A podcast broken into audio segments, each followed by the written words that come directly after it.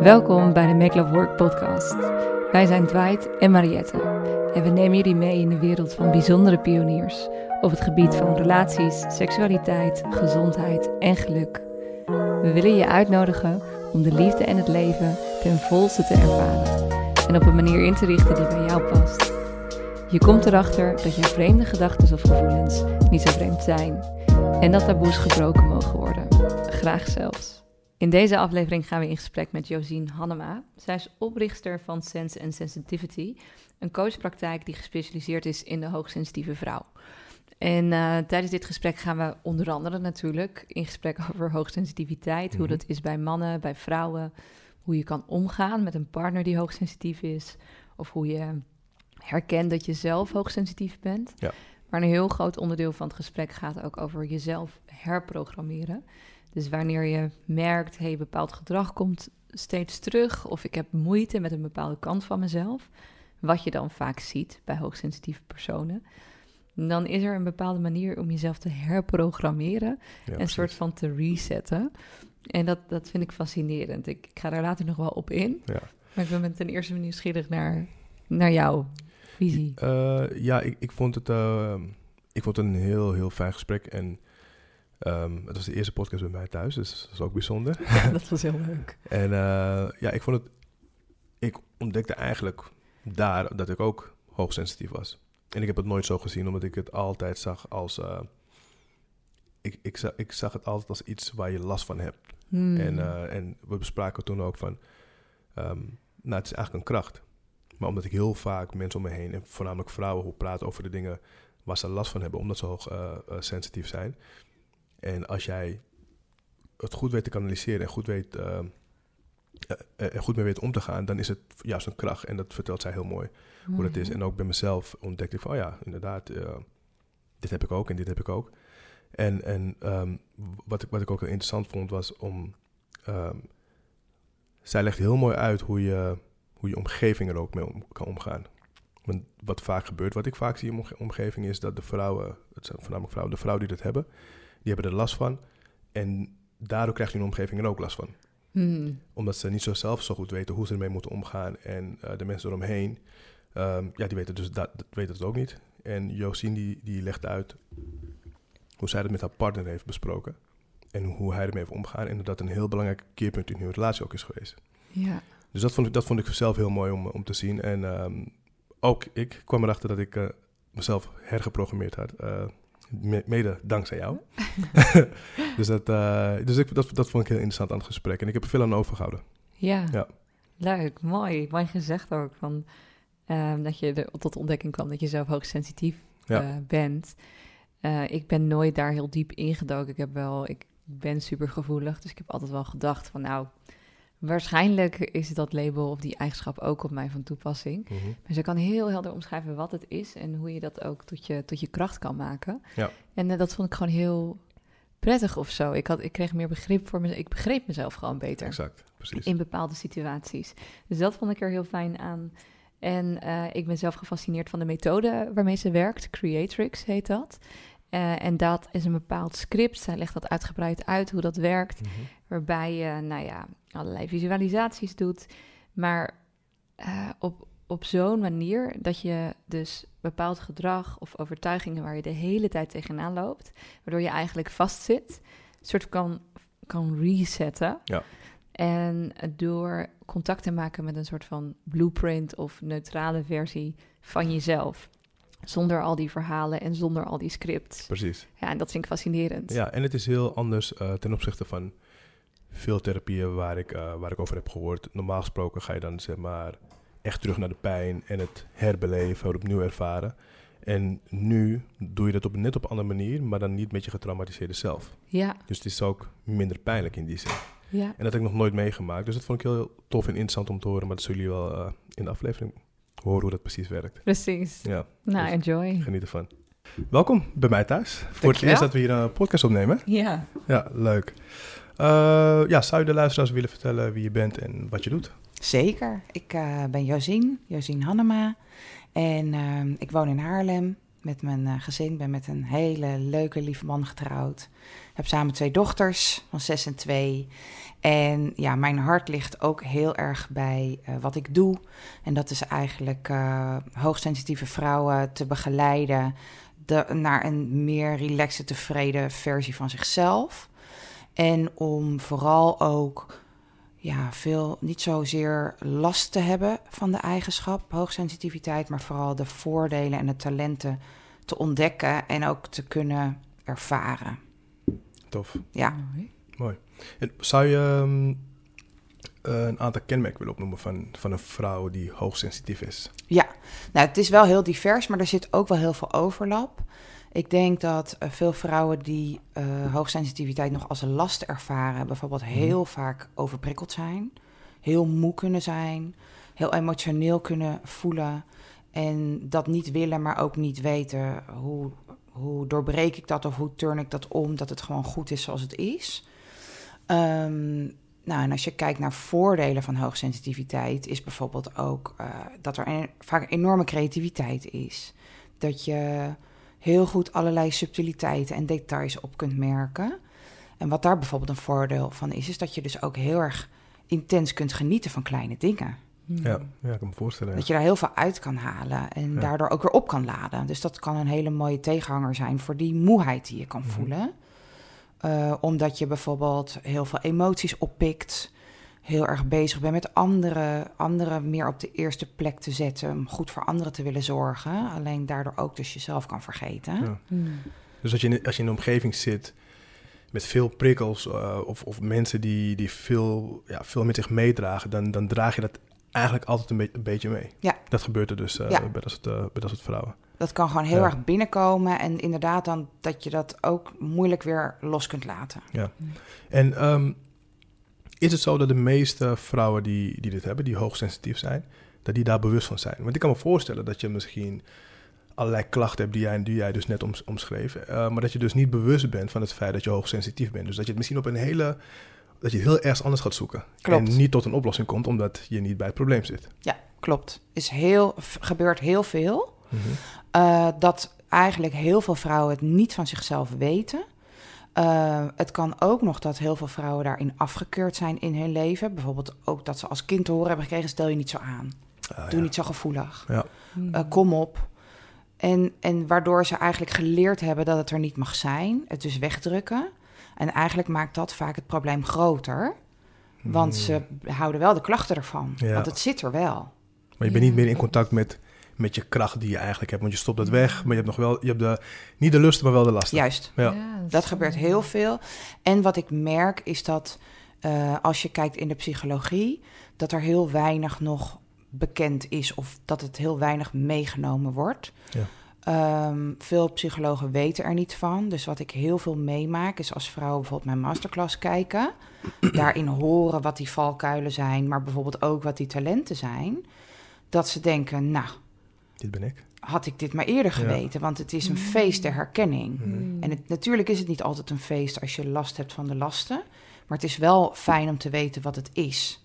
En het grote voordeel van hoogsensitiviteit is dat het geen stoornis is. Het is gewoon een eigenschap waar je dus ook mee kan leren heel erg goed mee om te gaan. Ja, ja. dus bij wijze van spreken, dat is een muzikaal, zou je kunnen zien als een talent. En hoogsensitief ook als een talent.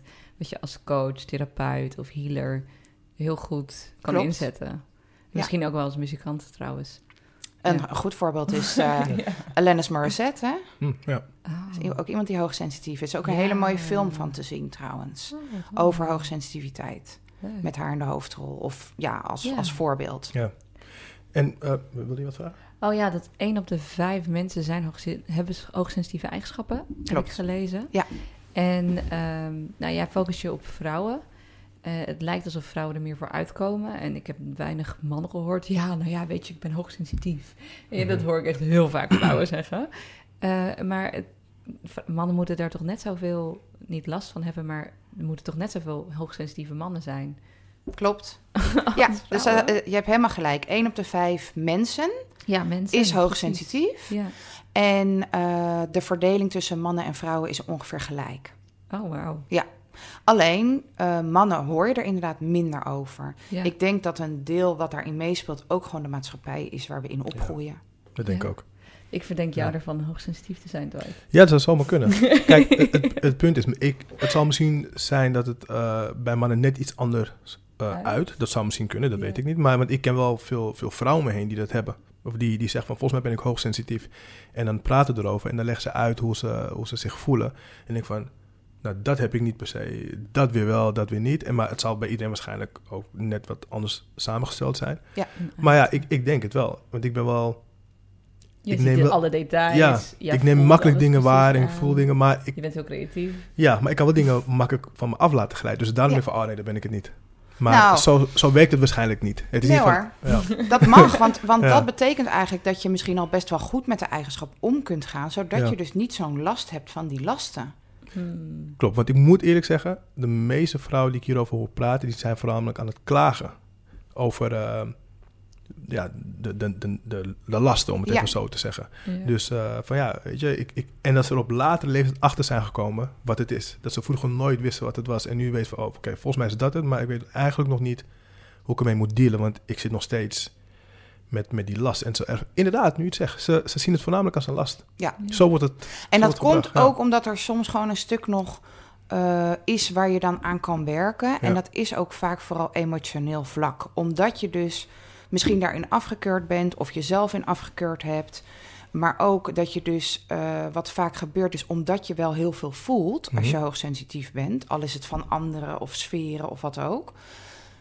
En je weet niet wat je daarmee moet, omdat je eigenlijk overspoelt, dan druk je het weg. Ja. En wat gebeurt er als je emoties wegdrukt? Dan krijg je uiteindelijk daar last van. Hmm. Ja. En dat kan een burn-out zijn, dat kan eh, heel emotioneel zijn, dat kan van alles zijn. Hmm. Maar het komt er een keer uit. Ja, precies. Een beetje borderline-achtige. Kan, daar wordt vaak ver- verward. Ja. Klopt. Is het, heb jij, ehm, ja, heb, ben jij zelf een vrouw die hoogsensitief is? En, Ja. en hoe is het voor jou geweest in je jongere jaren en die hele ontwikkeling tot de vrouw die je nu bent? Nou, ik denk al in een notendop waar we het over gehad hebben, is. ehm, ik moet zeggen dat eh, mijn moeder was daar wel heel open in, want die is zelf ook gevoelig. Dus daarin was eigenlijk wel de vrijheid om Ja. gewoon gevoelig te mogen zijn. Eh, maar ik denk wel dat ik toch mezelf vaak daarin afgekeurd heb. Ook als je kijkt naar de basisschool ben ik gepest. Hè, dus ik was ook wel een. Ja, ik denk ook wel dat ik een makkelijke prooi was. Omdat ik toch rustig in mezelf teruggetrokken was, onzeker was. Waardoor dat is gebeurd. En ehm, als ik nu terugkijk, is, heb ik eigenlijk tot mijn 38ste, dus zeg drie jaar, tot drie jaar terug, Mhm. daar heel veel moeite mee gehad. Hmm. En het weggedrukt. En maar hard werken. En er soort van eigenlijk meer tegen vechten. Ja. Dan er mijn kracht van te maken. Wat er drie jaar geleden gebeurd waardoor... Ja, ik, ehm, ik ben toen. Ik heb sowieso van alles geprobeerd om minder onzeker te zijn, minder faalangst te hebben. Hè. Ik heb business coaching gedaan. Ik heb EMDR gedaan. Ik heb eh, best wel wat psychologen gezien.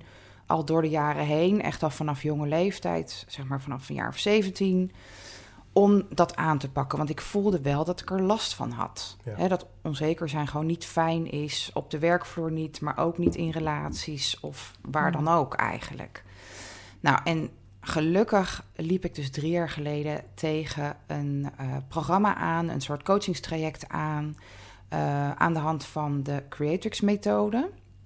En dat is een methode die is specifiek voor het vrouwenbrein ontwikkeld. Om ook eh, dingen aan te pakken waar veel vrouwen last van hebben.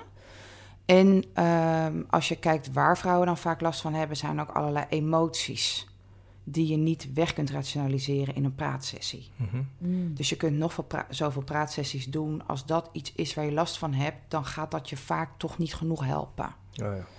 Ehm, omdat je niet met je ratio is vaak niet genoeg om je gevoel en je gedrag te veranderen.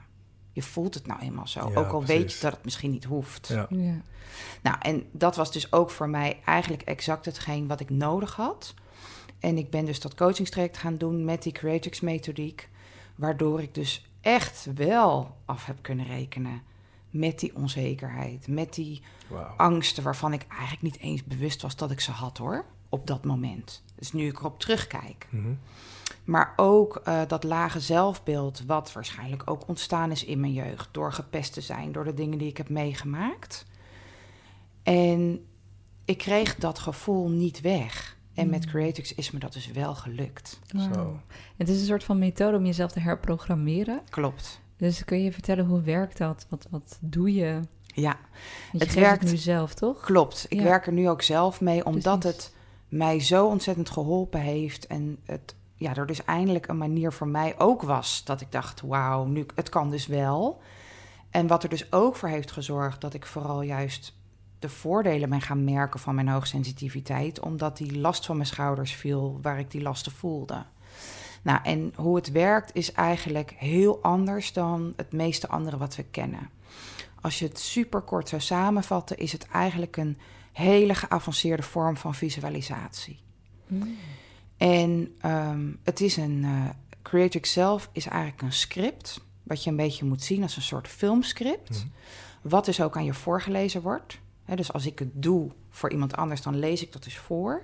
Dus sorry, jij, jij leest het voor degene die Ja. je behandelt. Juist. Ja, oké. Dus als je het ondergaat, dan hè, Ja. eh, eh, hoor je eigenlijk dat verhaal. Je doet het ook met je ogen dicht, zodat je dat verhaal eigenlijk voor je ziet. En wat er gebeurt is eigenlijk alsof je samen naar een film zit te kijken. Eh, want dat verhaal gaat natuurlijk leven. Hè, wat ik voorlees, van dat ik bijvoorbeeld zeg, nou, je bent nu in een bibliotheek. En dan zie je zoiets voor je. Mm. En ieder ziet een andere bibliotheek, maar uiteindelijk zie je wel iets voor je. Nou, en op die manier ga je eigenlijk mee in dat verhaal. Wat ik voorlees, dat je voor je ziet wat ik voorlees. Er zitten ook een aantal personages in. Maar het mooie is, het is echt een fictief verhaal. Een niet bestaand verhaal. Mhm. Er is dus ook geen goed of fout. En wat het is, is er zitten ook vragen in dat verhaal die ik stel. En die vragen stel ik eigenlijk over die personages. Dus alsof wij samen naar die film zitten te kijken en zeggen: wat denk je dat hij nu zou doen? Wat, denk- wat denk je dat hij nu denkt? Mm. Zo'n soort vragen. En het enige wat degene die het ondergaat hoeft te doen, is hardop te zeggen wat het eerste is wat er in haar opkomt. Mm. En that's it. Dus het is ook nog eens heel makkelijk. Ja. Ja. Bizar, hè? Ja. Het is bizar. en en het, het werkt dus gegarandeerd bij vrouwen als ze dit doen. Wauw. En ehm, wat jij dan zegt over die personages, waarschijnlijk zegt dat wat over jouw meest diepe overtuigingen over jezelf of over bepaalde situaties. Ja. Eh, en dat lijkt me dan best wel schrikken, en waarschijnlijk achteraf. Want ik, ik denk dat ze, terwijl ze in die sessie zitten, meer in trance zijn. Dus dat ze dan echt in, in die beleving zitten? Of ben je je dan al bewust van, wow, dat ik dit heb geprojecteerd op die personage? Ja, nou wat, eh, wat eh, eigenlijk het makkelijk maakt en heel luchtig maakt, is dat het eh, dus een niet bestaand verhaal is. Mm. En jij ondergaat het ook niet als je het ondergaat als jezelf. Mm. Dus ik ga je ook uiteraard uitleggen en vragen om een rol te spelen. Eigenlijk doe je een toneelstukje in je hoofd. Mm. En het mooie is dat de rol die je speelt van iemand is die ehm, ja, nog helemaal geen bagage heeft. Mm. Dus juist is het belangrijk om in die rol te gaan zitten, zodat het heel luchtig mag voelen, heel makkelijk en gek mag zijn en niet zwaar. Dus het gaat vooral om het niet herbeleven. En dat is ook een van de grote voordelen. Want op het moment dat je trauma's aan wilt pakken, wil je juist niet in die herbeleving. Want dat, Oh. is, dat is super pijnlijk Ja, en zwaar. ja. Waardoor je, als je dat wel zou doen, met de hoofdpijn naar buiten gaat, bij wijze van. Ja. En dat is bij dit niet. Je mag echt een rol spelen van een heel luchtig personage. Ja. En je gaat dus ook naar die andere personages kijken vanuit die luchtige ogen. Grappig. Ja, want ik ben altijd soort van, ik geloof elke techniek hoor, hoe dat werkt. Dus net als het herbeleven van trauma's, geloof ik ook dat dat wel goed is, dat dat, dat, dat helpt en dat het heelt. Dat je dan, ehm, waar we toen ook met Naomi bijvoorbeeld over hadden en ook Ja. met Leona, Dat, je je terug dan- gaat naar de... je gaat terug naar die na de ervaring en vervolgens programmeer je ander gedrag, waardoor je het ander opslaat. Dus ik geloof ook zeker dat dat helpt. Ehm, maar jij zegt, je kunt jezelf ook herprogrammeren zonder terug te gaan naar die pijn. En eigenlijk is dat ga me eh, aanmelden. graag. want ik zou het super tof vinden om, eh, om het jou te laten ervaren. Maar weet je wat een heel groot voordeel is van niet herbeleven? Ehm, we- de wetenschap die heeft eigenlijk sinds kort aangetoond dat trauma's en stress en belemmerende overtuigingen overerfd worden of kunnen worden. Mhm. Dus stel nou dat je een trauma of een pijn hebt van iemand van verdere voorouders. Mhm. Of gewoon doorgekregen hebt. Dus niet Ja. zozeer dat je dat trauma hebt omdat je zelf iets mee hebt gemaakt. Ja. Maar omdat je dat gewoon overerfd hebt gekregen. Dat je soms wel eens denkt, ik weet niet waarom ik dat heb, maar ik heb er last van. Ik kan het niet verklaren, maar ik heb er wel last van. ja. Dan is het heel fijn dat je er nog steeds van af kunt. Ja, Ja. dat is prachtig. Want hoe ga je het anders herbeleven Ja. als het niet van jou is? Ja, Oh, ja. Mooi, mooi dat je dit zegt, want Ja. als ik zo nadenk, als ik nadenk over de, de fobieën, de trauma's die mensen in, in mijn omgeving hebben, meestal hebben ze het zelf niet meegemaakt. Nee. Nee. Bijvoorbeeld eh, een vriend van me, die, die heeft echt, die is als een dood voor muizen en ratten bijvoorbeeld. Maar hij heeft, ik heb hem een keer gevraagd, hoe komt dat het bij jou zo intens is? Ik zei, heb je ooit in je jeugd iets meegemaakt? Nee, ik weet niet wat het is. Weet je, dus het, ik dacht van, huh? Je hebt, ja, je hebt, je hebt dus een fobie of een angst voor iets, terwijl je nooit een nare, nare ervaring hebt meegemaakt, waardoor je een Ja. soort van getraumatiseerd bent. En, dat En dan- gaat, ja. Ja, dus je kan niet eens teruggaan naar, Juist. Nee. naar dat moment. En dan zou je het niet op kunnen lossen. Ja, Nou, dat zou eigenlijk heel treurig zijn. Ja. ja. Toch? Hoe fijn Ja. is het dat we eigenlijk dus het gendertrauma, hè, dus ook Ja. trauma vanuit voorouders, maar ook trauma vanuit bijvoorbeeld de, de seksenverschillen. Hè? Dus bijvoorbeeld, ik denk dat dit ook een van de verklaringen is waarom er zo ontzettend nog steeds veel vrouwen zijn die zich niet goed genoeg voelen. Mm. Maar daar ook niet altijd een verklaring voor hebben. ja. Dat kan heel goed zijn, omdat we natuurlijk. Het is nog niet heel lang geleden dat vrouwen de underdog waren.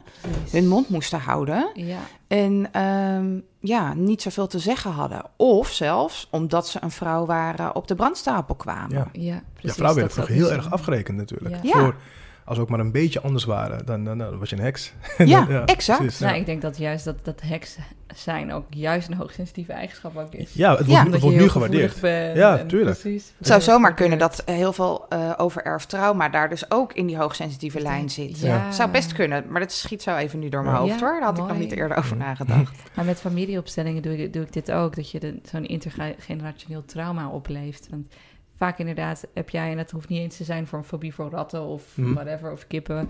eh, maar ook gewoon echt gedragspatronen. Dus bijvoorbeeld ook hoe je je plek ten aanzien van liefde. Dus daar gaan we ook nog een expert over spreken. Speciaal over familieopstellingen. Ik geef het dan af en toe in relatietherapie. Maar dat is ook heel mooi. Dan ga je wel terug naar de pijn. Alleen dan de pijn van je voorouders Ja. ga je dan zien.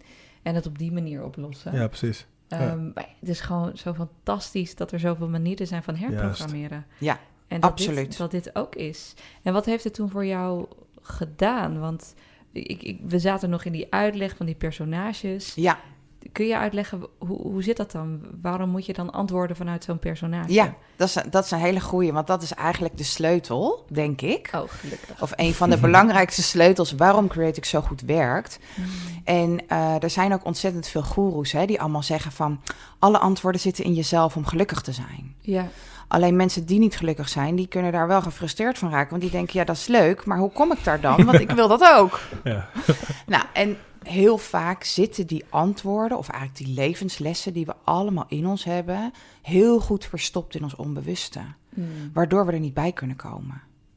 En eigenlijk de antwoorden die je geeft als je in dat script zit... zijn die levenslessen die jij nodig hebt... om dus dat belemmerende stuk heel te maken. Oh, dus je, juist, nu snap ik ook dat het die neutrale rol is. Juist. Dat ben eigenlijk jij zonder al die overgeërfde trauma's en belemmeringen en overtuigingen. Je kijkt helemaal vrij. Ja, Zo gek hoe, hoe makkelijk je dan eigenlijk praat vanuit de vrijste versie van jezelf.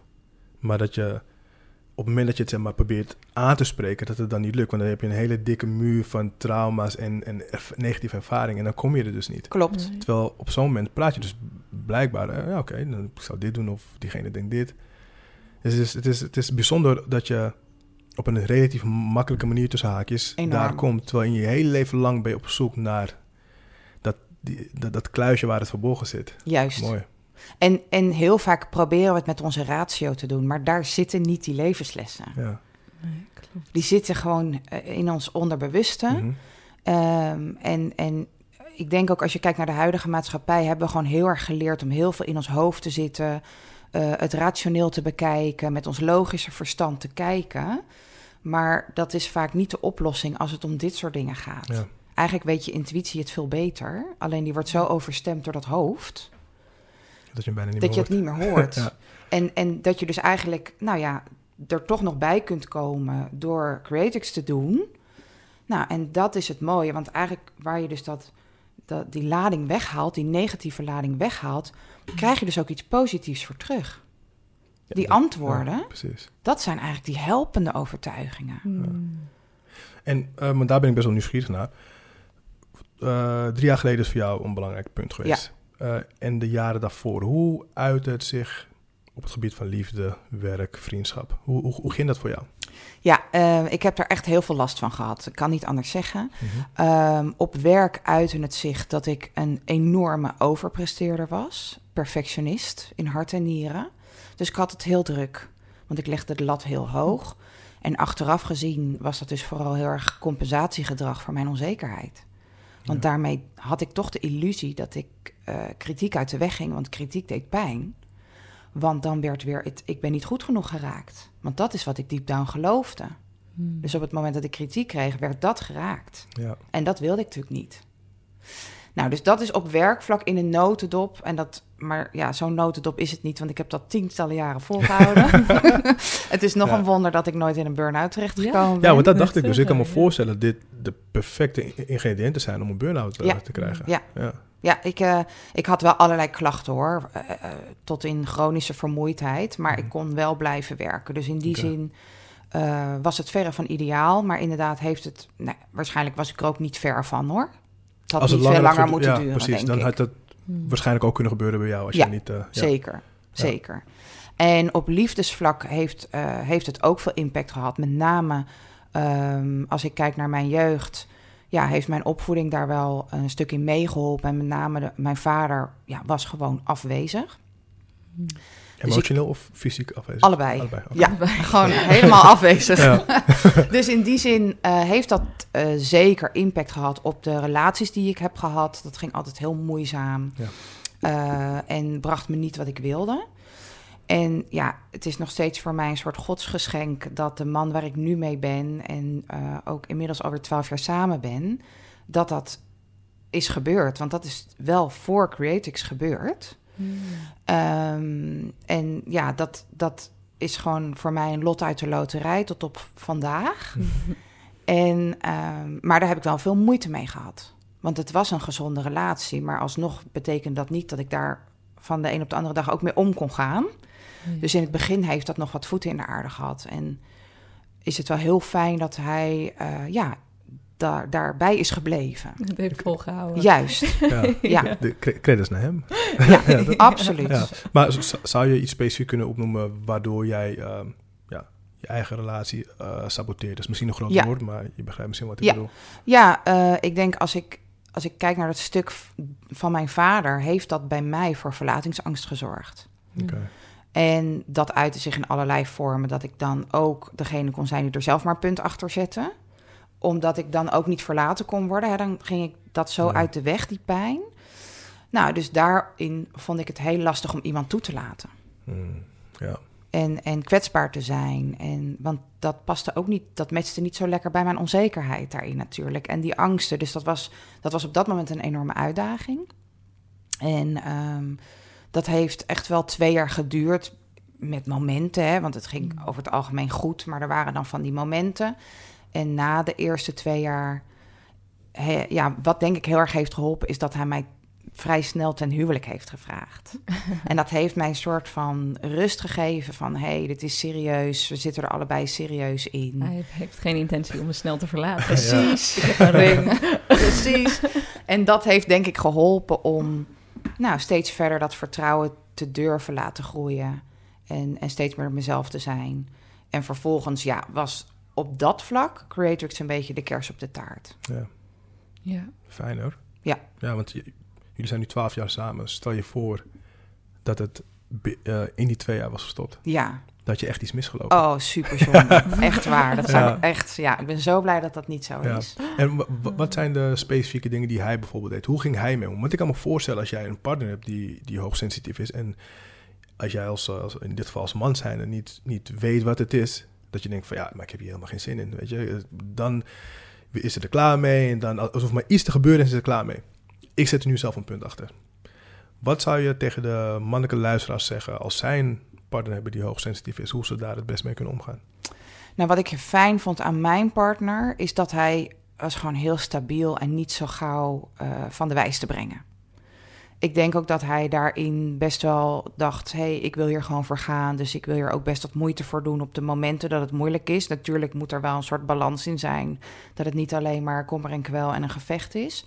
Wat denk ik ook mijn tip zou zijn naar vrouwelijke luisteraars die zich herkennen in mij, hoe ik toen was, is leg het uit.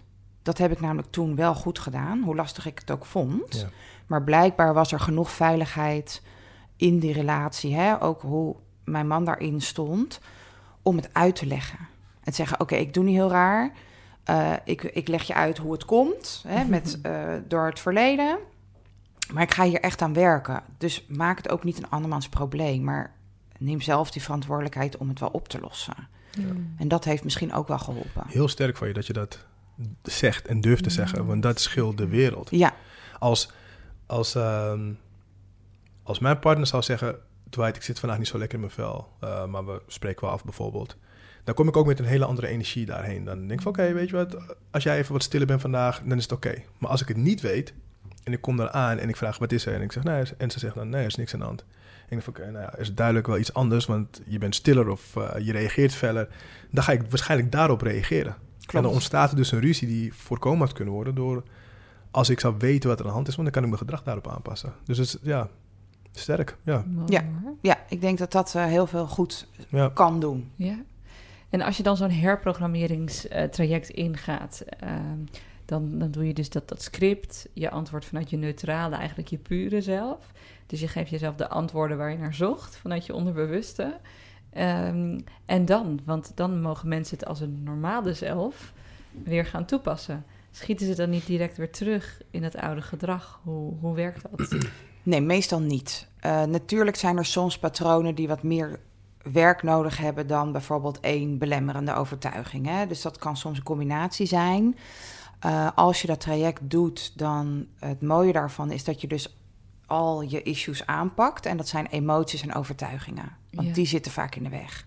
Dus of emmers zitten vol met allerlei emoties en daarnaast zijn er allemaal belemmerende overtuigingen. Hmm. Nou, die pak je aan. Dat zijn vaak lijsten van 40 issues. Oh. Dat is heel normaal. dat is heel normaal. ja. Um, en wat je ziet, en dat vind ik ook uh, ja, super krachtig eigenlijk van Creatix, is omdat je het in het onbewuste aanpakt, mm. het gedrag ook verandert. Mm, yeah. Dus ik, ik zal niet zeggen, ga nu maar honderd keer je grenzen aangeven, dan went het wel een keer en dan lukt je dat wel. Want er zit iets onder waardoor jij niet je grenzen aan kunt geven. Yeah. Even een voorbeeld, hè?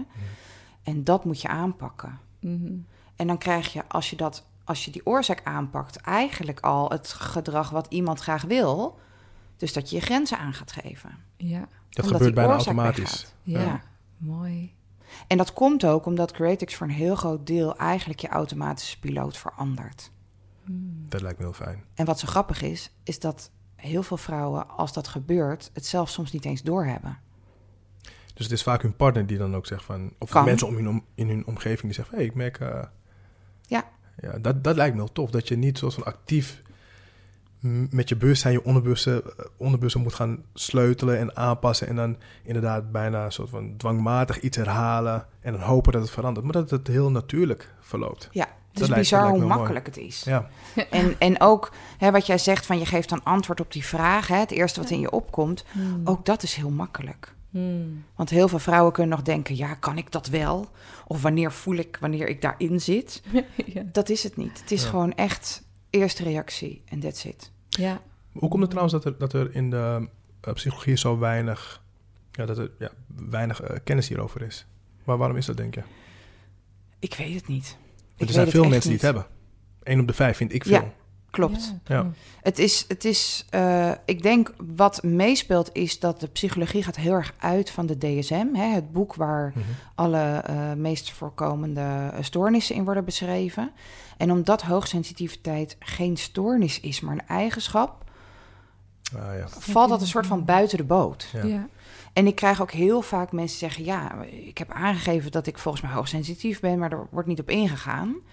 Dus ik denk dat het ook gewoon een stuk is omdat er gewoon nog veel onbekendheid is. En omdat het dus buiten het boekje valt, het wellicht ook niet in de scholingen en, en, en opleidingen terugkomt. Ja, en überhaupt is, psychologie lijkt iets meer gericht te zijn op het cognitieve aspect en iets minder op het onderbewuste. Ja. En, en dit is een, heel, een, een methodiek die heel onderbewust werkt Klopt. en heel energetisch. Dus dat is toch, het is vaak meer de praattherapie Ja. dan de ervaringsgerichte onderbewuste therapie. Ja. ja. En, en eh, psychologie heeft echt nut, maar meer op het vlak om inzicht te krijgen in jezelf. ja. Hè, dus voor mensen die nog niet zo goed begrijpen waarom ze doen wat ze doen of waarom ze voelen wat ze voelen, kan het nuttig zijn tot op zekere hoogte. ja. Alleen soms is, nou ja, wat ik weet uit ervaring is inzicht is niet genoeg, want dan weet je het en dan. Ja. Je voelt het ook nog. Ja. ja. En je gedrag is ook nog gewoon Precies. zoals het was. Dan, dan Ja. ben je bijna belast met de kennis. Ja, Maar Ja, je kan niet veranderen. En dan wordt, wordt- dat kan ook nog een probleem worden. Van. Want meestal zegt ze van, if you know better, you do better. Maar dat lukt niet altijd. Nee. Maar ik weet het nu wel. Mooi dat je dat zegt, ben je ook nog eens belast met de kennis. Ja. Ja, dan Ja. zit je, dan denk, ben je gewoon bewust onbekwaam. ja, precies. ja, ja. Laat me dan lekker onbewust Inderdaad, onbekwaam ja. zijn. Klopt. Maar dat is ook weer frustrerend. ja, Want dan, en zeker hoogsensitieve mensen zijn mensen die heel veel nadenken en heel veel analyseren. ja, Ook zichzelf. ja, ja, ja. Dus dan kan het ook weer heel frustrerend zijn als je het niet begrijpt. Ja. Nee, klopt. De, de vrouw die bij jou, ehm, die jij behandelt, ehm, verschilt het, want jij bent op- op 35-jarige leeftijd, heb jij de switch gemaakt. En, ehm, 38, toch? 38. sorry, Ja. 38. En ehm, zijn het voornamelijk vrouwen die al eh, wat ouder zijn, of zijn het hele jonge meiden, weet je, die nog in hun tienerjaren zitten? Nee, de, het is, de leeftijd is wel heel breed. Eh, de jongste eh, vrouw die bij mij is geweest is, eh, was 24. Er waren meerdere Ja. vrouwen 24. De oudste vrouw die bij mij is geweest was 77. Ah, wat leuk. Oh, mooi dat ze het nog zo wilt. eh, Ja, ja. Ja, want weet je, je leven wordt heel snel makkelijker en beter. Hè? Je zit fijner in je vel. Dus ik zou iedereen aanraden, ook al ben je inderdaad eh, eind 70. Ja. Maar ehm, de grootste groep die bij mij komt zijn vrouwen tussen de 35 en de 55. Oké. En ik denk dat daar ook wel een logica in zit, omdat ehm, veel vrouwen van rond de 35 die hebben kinderen gekregen of eh, jonge kinderen of net hun eerste kind. En dat legt vaak nog meer druk op die de stress die er al lag. Ja, Dat is namelijk ook wat er bij mij is gebeurd. Hè. Ik Ja. kon redelijk goed alles managen met die hoge lat. Alleen toen ik mijn dochter kreeg en ook nog de perfecte moeder moest zijn, toen kreeg ik het echt zo druk. ja. Ja. wat schat is wil. Ja. ja, plus dat je ook wel kan hebben dat je bepaald gedrag niet wil doorgeven aan je, aan je Klopt. kinderen. Dus dat je heel erg jezelf ziet in die kleine jongetjes of meisjes. En dat je dan denkt, oeh, oh, laat ik dit toch maar eens gaan aanpakken, al Ja. is het voor mijn kinderen. Absoluut. Dus dat mensen dan ook om die reden soms komen. Ja, Ja, klopt. en dan doen ze het gelukkig daarna voor zichzelf. Ja, klopt. Nee, maar Maar dat is. kinderen mogen best een aanleiding zijn. Ja, dat zijn spiegels. ja, Dus dan wordt het weer uitvergroot waar je ook weer tegenaan liep. Hè? Of oh ja, ja. dat is nog steeds zo. Hè? Dat is vaak ook de realisatie van ik loop er toch al wel heel lang tegenaan. Nu is het wel tijd. Nou, en als je kijkt naar de vrouwen ja, voorbij de 50, heeft vaak ook weer dat die last krijgen door overgangsklachten. Hmm. Kun je bepaalde emotionele klachten weer terugkrijgen. Uh, dus die kloppen ook vaak aan. En dat is alleen maar goed, want dat, die emoties kunnen ook gewoon aangepakt worden. Ja. Waardoor ze ook weer beter in hun vel worden. En natuurlijk neemt het overgangsklachten niet weg. Maar als je emotioneel beter in je vel zit, kan je die er wel beter bij hebben. Ja, precies. Ik, ik denk dat het ook wel fijn is voor, voor onze luisteraars. ehm, maar daar zitten ook uh, vrouwen tussen, tussen de 20 en de 30. Als ze het probleem eerder aanpakken en niet op een, in een latere fase in hun leven. Ja. Klopt. Dat scheelt een hoop schade, om het even, even zo te zeggen. Ja. Ja, want Ja. als jij belemmerend gedrag hebt en je houdt het maar lang genoeg vol, dan wordt die emmer alleen maar voller. Ja. ja. En dat kan op relationeel vlak natuurlijk blijken, hè, dat je denkt het, het lukt maar niet.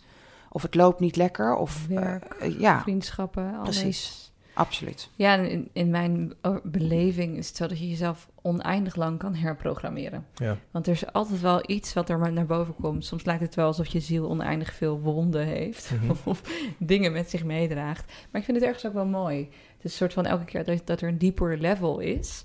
Net als met Mario of whatever. Dus dat je elke keer een level verder komt. En daar weer iets kan herprogrammeren. Ja. Al zouden jullie eh, één topic mo- mogen kiezen. Wat je zou willen herprogrammeren van jezelf. Wat zou dat zijn? Ehm, ja, grappig dat je dit vraagt, want ik, heb er dus, ik ging er laatst over nadenken waar ik, toen ik studeerde. Want ik ben weer begonnen met studeren, eh, psychologie toevallig. Ja. En ehm, vroeger dacht ik, vroeger van, ah, ik kan niet plannen. Ik ben nu tot de conclusie gekomen dat ik niet van plannen hou. En dat ik daarom niet kan plannen, omdat ik er gewoon niet heel veel energie in steek. Dat ik er omheen werk en dat voor mij, dat voor mij werkt. Dus ik ga nu eigenlijk ontdekken waar ik nu tegenaan gelopen, en wat ik- wat ik wil veranderen. Ja, je leeft heel erg vanuit flow. Ja, ik leer heel erg vanuit, vanuit flow. En ik Ja. vind dat prima, maar ik heb er vroeger heel erg tegen gevochten. En ik heb het nu geaccepteerd van, ik hou er gewoon niet van plannen. En ik zag het vroeger als een zwakte. Ja, ik kan niet plannen. Je kon mij tien agenda's geven. En dan lukte het alsnog niet om één ding in mijn agenda op te schrijven. Of ik schreef het erin, maar dan keek ik niet erin. En nu ben ik tot de conclusie, tot de conclusie gekomen. En dat heeft ook deels met jou te maken. Omdat jij ehm, in het begin zei van, ja, maar jij werkt gewoon zo. Ja. Want we waren toen een keer aan het werk en jij werkte met blokken. ja. En eh, ik werkte en dan deed ik dat en daarna deed ik dat. En toen zei hij dat tegen me, maar op een manier niet alsof het minder was, maar gewoon anders dan hoe zij werkte. En dan wordt er een zaadje geplant in je hoofd van, oh, misschien is het helemaal geen probleem. Misschien hou ik gewoon niet van plannen. Ja, en daarom ben ik ook niet goed in plannen. Dus moet, ik moet eens proberen om er goed in te zijn. Dus zo, dat is, eigenlijk heb je me geprogrammeerd, of hergeprogrammeerd. Die hoef je niet meer te doen, dat is Nee, duidelijk. dit is het, dit is het. Nee, maar ik ga er dus nu achter komen wat ik graag zou willen herprogrammeren. Want ik, ik weet, ik ga waarschijnlijk tegen iets aanlopen met het studeren. Ja. Dus daar ben ik benieuwd. Dus ik kom erop terug. Omdat er dan misschien wel van je wordt gevraagd om te plannen. Precies. Zeg maar. De ja. ruimte die ik geef, gewoon ik vertrouw erop dat jij op jouw manier je flow doet. ja, En dat er aan het eind van de maand iets uitrolt. precies. ja, ja, ja. Ja, dus wie weet dat je dat tegenkomt. Oh, de sorry. podcastgesprekken, die plan ik ook in. Ja, ja, precies. ik, weet, ik weet wat ik zou willen herprogrammeren. yes. Jawel, hij komt omhoog. Ehm, ik kan als ik emotioneel word, kan ik... ehm, hoe kan ik goed uitleggen? Als ik, ehm, voordat ik, ik noem het zelf, groene monster word. Voordat ik dat monster word, stel ik heel veel vragen om te voorkomen dat ik de lelijkste versie van mezelf word. Ehm, maar als ik eenmaal die grens ben overgaan, heb ik, dan verlies ik bijna controle daarover. Ik, dan word ik eh, temperamentvol. Niet in de zin van ik ga schelden, maar ik voel mijn hartslag gaat omhoog. En dan ben je op dat moment mijn vijand. Dus als wij een discussie hebben, dan zie ik je niet meer als mijn broertje, mijn moeder, mijn zus, mijn beste vriend, mijn beste vriendin, whatever. Dan is het, is het, je bent op dit moment mijn vijand. En dan ben ik heel intens. En die intensiteit zou ik iets, iets meer naar beneden willen schroeven. Ik, en, en, maar ik heb er, merk ik, als ik eenmaal die grens ben overgaan, weinig controle over. Dus dat zou ik Mm. willen Ja, herprogrammeren. dus je wil het voor zijn. Ja, ik, het voor zijn lukt me. Mhm. Maar ik wil ook, als ik die grens ben overgaan, dus als ik voor mijn gevoel word gepusht, dan wil ik ook daar een bepaalde kalmte bouwen. En dat lukt me nu nog niet. Dus dat zou ik willen herprogrammeren. Mooi. Ja. Ik heb je één keer intens meegemaakt. Ik Ja. vond het prachtig. ik vond het echt een soort van natuurgeweld op een mooie manier. Maar misschien Ja. was je nog niet helemaal groen toen. Ik was nog niet helemaal groen. Nee. Nee. Nee, maar het kan ook, dat kan ook juist vooral een overtuiging zijn die erbij zit. Wat, het, wat, wat je wil, zou willen aanpakken, hè? of wat de verandering geeft. Mhm. Ja. Maar mooi, mooi dat je dit zo noemt. ja, ik kom even omhoog. Ja, en ik kan me ook zo goed voorstellen dat, Ja, zeg maar, dat misschien voel je je dan ook machteloos ten aanzien van jezelf. Ja. En van de schade die je dan Dat is brengt op zo'n moment, Ja. dat je dan helemaal niet wil. precies. Het, het voelt, Ja. ik zou het het best kunnen omschrijven als, ehm, als een orkaan wat over een weiland heen gaat. En het is een prachtig weiland. Oh. En dan ga ik er overheen. En Allemaal brokstukken. Precies, en dan gaat de Ja. storm liggen en dan kijk ik terug en dan En denk ik van, ah je, shit, misschien had ik iets minder hard, hard moeten waaien. Zo voelt het. Ja. En, en ik probeer, het enige wat me lukt is dat ik niet persoonlijk word. Maar omdat je niet persoonlijk wordt, kan je alsnog wel heel intens zijn. Ja. En dan dwing ik de ander bijna om het perfecte antwoord te geven op de vragen die ik stel. En als je dat niet doet, dan word ik wantrouwig en dan voel ik me niet serieus genomen. Ehm, en dan, dan wordt dat weer een issue. Dus er gebeuren allerlei dingen op het moment dat jij niet het perfecte script aanhoud dat ik heb geschreven. Wat jij nog nooit hebt gelezen.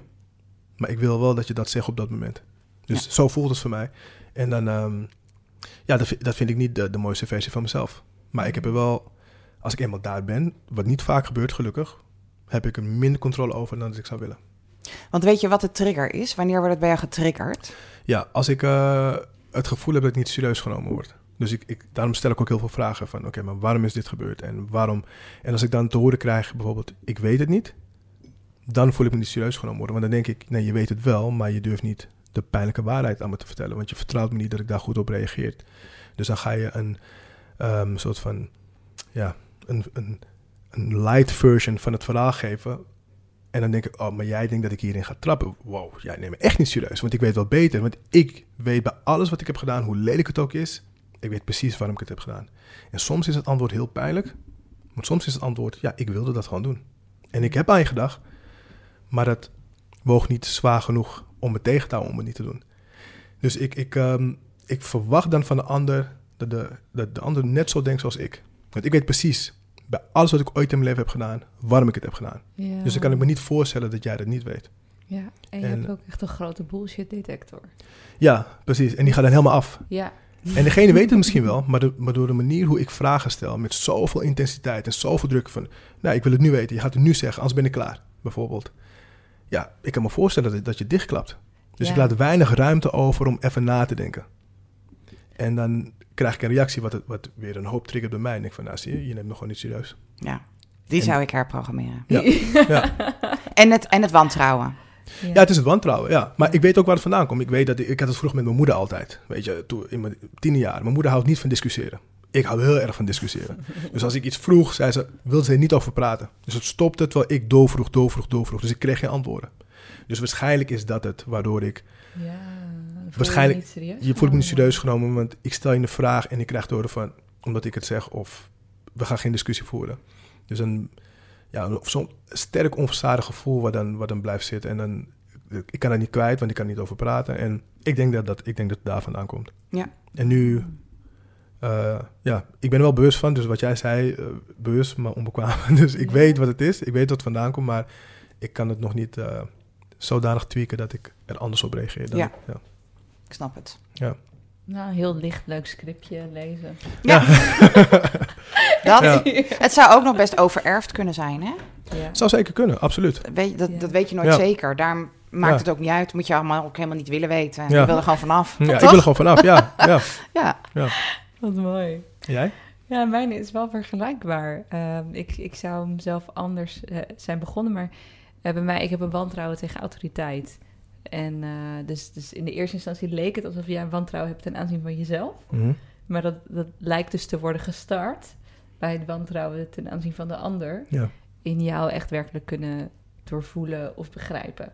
En dat is mijn wantrouwen. Mhm. Dus dat is mijn. ehm, ik heb me ook vaak onbegrepen gevoeld. Ja. Eh, ook door mijn ouders. En dat had ook inderdaad met discussies te maken. Dus ik vond niks mooiers dan wat wij doen in deze podcast. Wij zijn echt soort van bijna twee blije kinderen. Precies. ja. En dat we zo. We vinden het zo prachtig om, om, om mensen te leren kennen, om in een ander perspectief te kruipen, om je eigen geest te slijpen, om alles van verschillende kanten te bezien. Voor mij is dat gewoon het wonder van het leven. Ja. Dat het nooit hetzelfde is en altijd kun je het opnieuw ontdekken. En, en nou ja, ik, ik kan het echt tot in de eeuwigheid met jou doen. Mhm.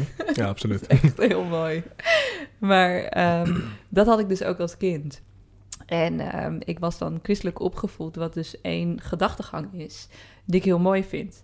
Maar vanuit mijn aard en de nieuwsgierigheid wilde ik ook andere gedachtegangen leren kennen. Dus ik ging daar zelf naar op zoek.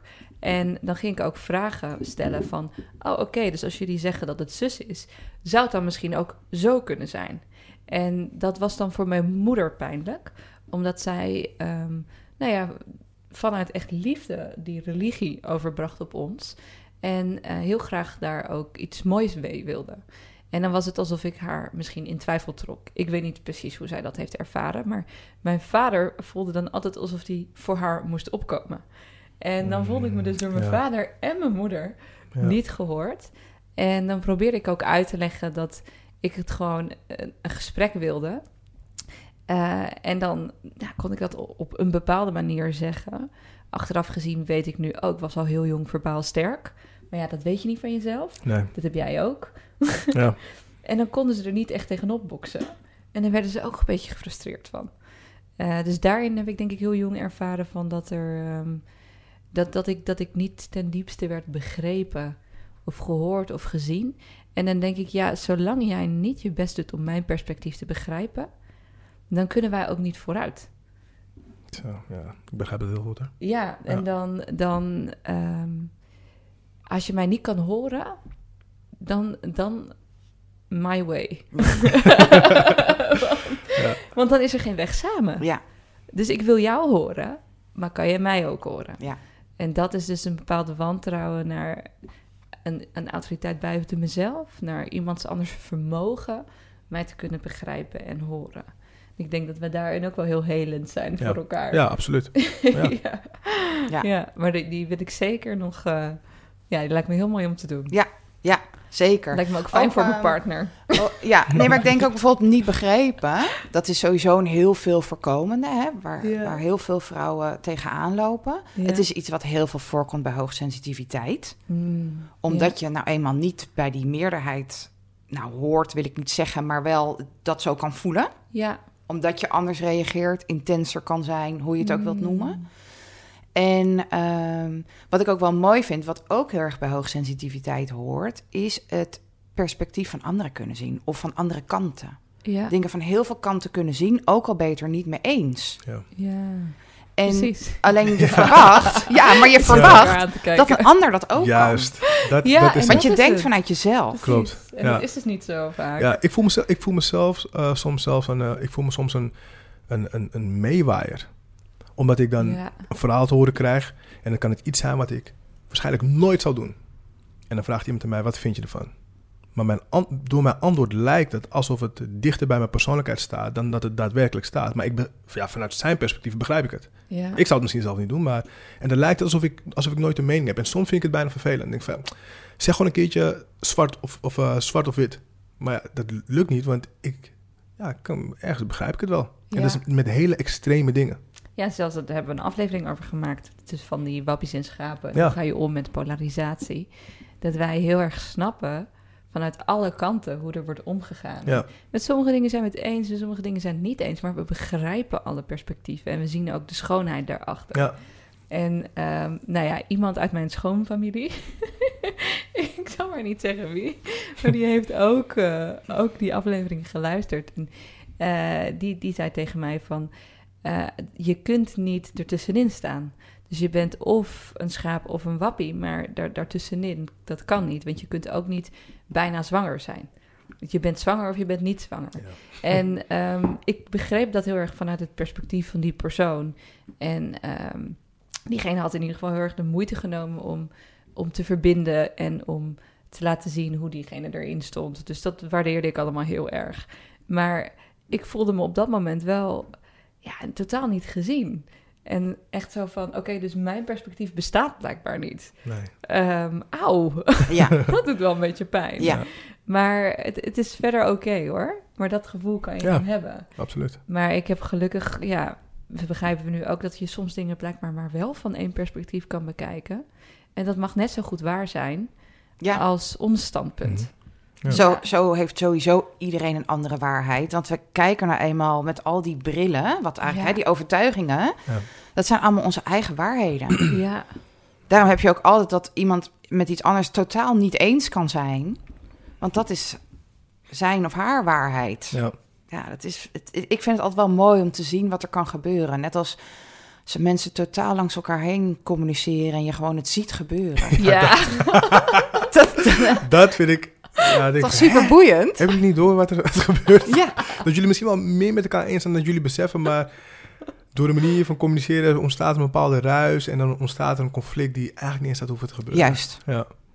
Ja, Maar ja, dat is nou eenmaal, hè, we hebben allemaal die brillen op. ja, ja. Eh, maar goed, die brillen kan je dus ook afgooien. Dat is het goede nieuws. maar ik weet het, het is eh, ook wel weer heel boeiend. ja, precies. Waar kunnen de, de luisteraars jou vinden? Eh, die kunnen mij eh, online sowieso vinden Mhm. op eh, mijn website senseandsensitivity.nl. Oké. Maar ik denk als je op Josien Hannema googelt, dat je ook een heel eind komt. Mooi. Ehm, dus ja, daar is heel veel meer van mij te vinden. En ehm, wat misschien nog een tip is voor de hoogsensitieve vrouwen, als ze meer erover willen weten, is dat ze mijn online masterclass kunnen kijken. Dan word je in iets meer dan een uur eigenlijk heel erg bijgepraat over welke ins en outs dat nou betekent. Ja, tof. Mooi. Dus misschien is dat nog een mooie laatste tip. Zeker. Heel erg bedankt. Ja, super bedankt. Ik denk dat dit een hele waardevolle aflevering is. Alleen al voor ons. Ja. Dank jullie Ja. wel. Leuk. Stel dat je dit een mooi gesprek vindt. eh, heel fijn als je de podcast-episode deelt en abonneert op ons kanaal. Dat helpt ons met onze zichtbaarheid, maar ook met onze missie. Want hoe meer mensen delen, hoe meer liefde we met elkaar verspreiden.